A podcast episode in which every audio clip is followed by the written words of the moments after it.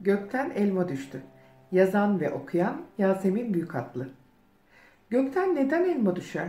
Ya da neden elma düştü denildiğinde kulak kesiliriz hemen. Çalışkan öğrencinin elması çabuk kızarır. Daha kendimi bilmeye başladığım anda gökten düşen üç elmadan biri kafama düşmüştü bile. Sınıfta öğretmen duvara bir pano astı. Elle çizilmiş ama renklendirilmemiş elma resimleri. Dedi ki her biri bizi temsil ediyormuş. Ne kadar doğru ödev yapar, ne kadar çok yazı çalışırsak elmamıza da o kadar hızlı renk gelirmiş. Elmamız kıpkırmızı olduğunda ise yakamıza da elma kadar kırmızı bir kurdele takılırmış. Elma kadar tatlı olurmuşuz. İşte o zaman herkes bilirmiş artık okuma yazma öğrenmiş, çalışkan öğrenci olduğumuzu. Ne çok etkilenmiş, ne hırs yapmıştım. İlk benim elmam kızaracak diye. Hiç düşünmedim. Neden kırmızı? Neden yeşil ya da sarı değil? Neden tatlı elmada? Neden ekşi değil? Gerçi yeşil elma aklıma da gelmemiş olabilir. Çünkü pazarlarda yeşil elma pek gözüme çarpmazdı. Yoktu. Genellikle Almanya'dan yaz aylarında gelen dayılarımın arabalarında görürdüm kocaman yeşil elmayı. Yeşil elma nadide, yeşil elma özel, öyle her yerde bulunmaz. Geldiği zaman da çok uzaklardan gelir.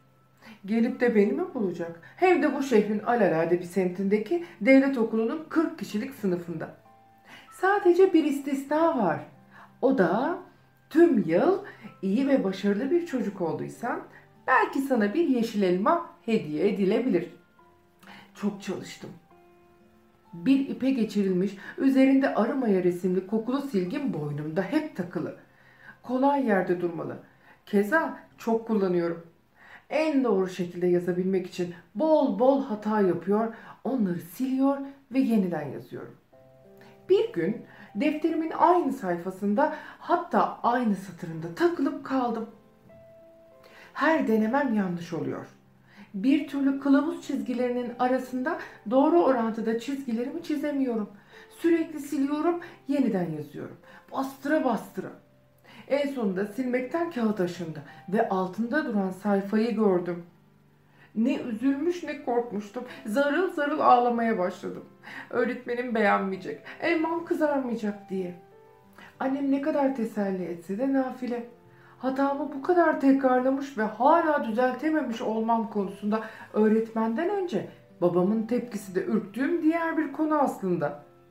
Nihayetinde babam okula beni eti senin kemiği bizim hocam diyerek bırakmış. Yani hata yaptığım anda etim kemiğim ayrılacak. Etim kemiğim ayrılmasa da elmam da kızarmadı elbette. Hiç unutmam. İlk Azize'nin elması kızardı. İlk onun yakasına kırmızı kurdele takıldı. Sınıfta ilk o tatlı olduğunu ilan etmiş oldu. İlk öğretim okulu boyunca o Azize'nin parmağı hiç aşağı inmedi. Öğretmenin her sorusuna doğru cevap verebilecek bilgisi oldu. Ne elmaymış yahu.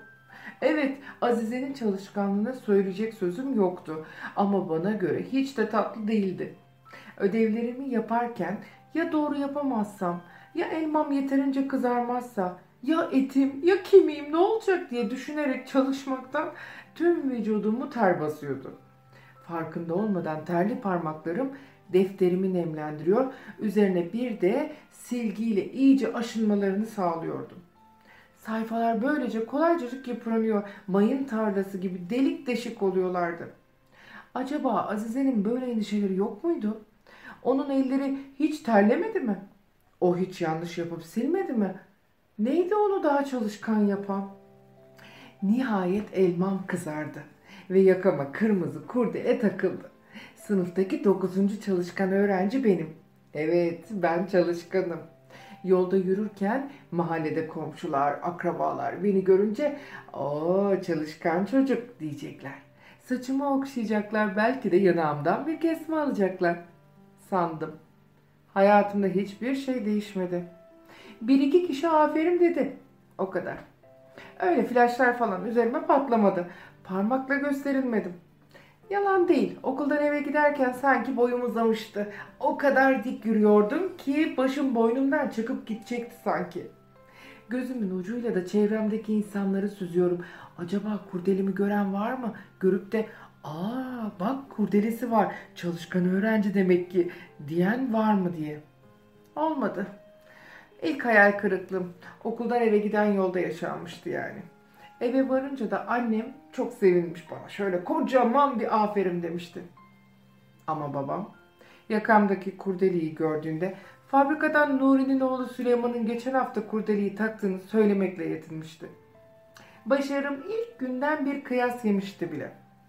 O hafta Azize'nin hemen arkasındaki sırada oturuyordum. Güzel yazı dersindeydik.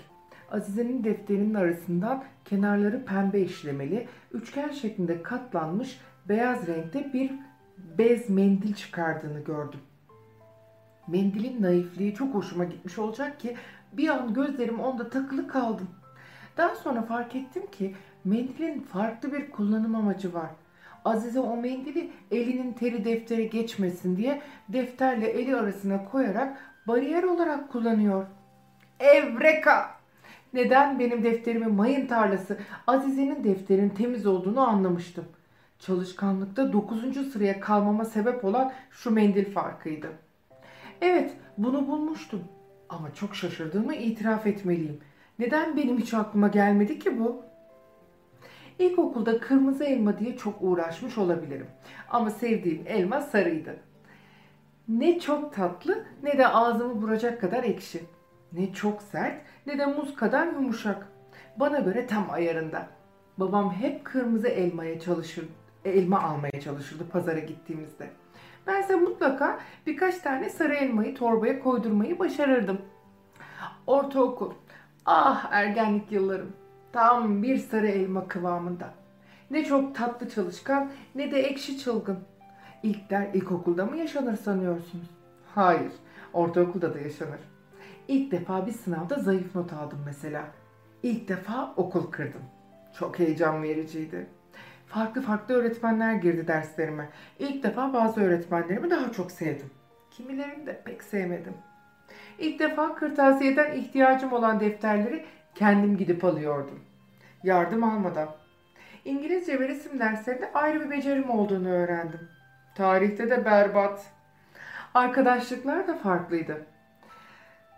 Flörtler ortaokulda başladı mesela. Burada elma yoktu ve hiç de aramadım. Sanki kural da yoktu. Belki vardı da ben fark edemedim. Ya da umursamadım. Sanırım bu yüzden yaz ayında bütünleme sınavına girecek kadar tembelleşmiştim. Ama bunu da çok içerlememiştim. Geçen sürede ne kadar çok eğlendiğimi, kendimi ne çok keşfettiğimi fark etmiştim. Keşfimde ekşilerin tatlılarının tadına varmıştım. Dedim ya, tam sarı elma tadında. Elmalar ben farkında olmadan aklıma düştü. Her biri bana hayat dersi oldu. Hayallerim oldu. Yeşil elma gibi uzak hedeflerim hep oldu.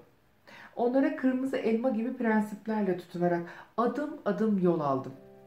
Ama hayatı kendime zindan etmeden sarı elma tadında. Hayatlı, hatalarım oldu. Onlardan ders çıkardım. Mücadele etmeyi, yılmamayı, bakış açımı geniş tutmayı, mutluluğu her şeyden çıkarıp bulmayı öğrendim. Yediğiniz tatlı bir elmanın içinde hissettiğiniz hafif bir ekşilik gibi. Basit fikirlerin, yaratıcı çözümlerin değerini gördüm. Bir gömleğin her bedene uygun olmayacağını da. Akışı yaşamının tadını da aldım. Sorgusuz, sualsiz kabullenişinde. Soru sormanın, risk almanın kıymetini de fark ettim. Büyüdüm, büyüdüm. Sonra fark ettim ki dallardaki elmaların daha birçok farklı rengi varmış. Öğrendim.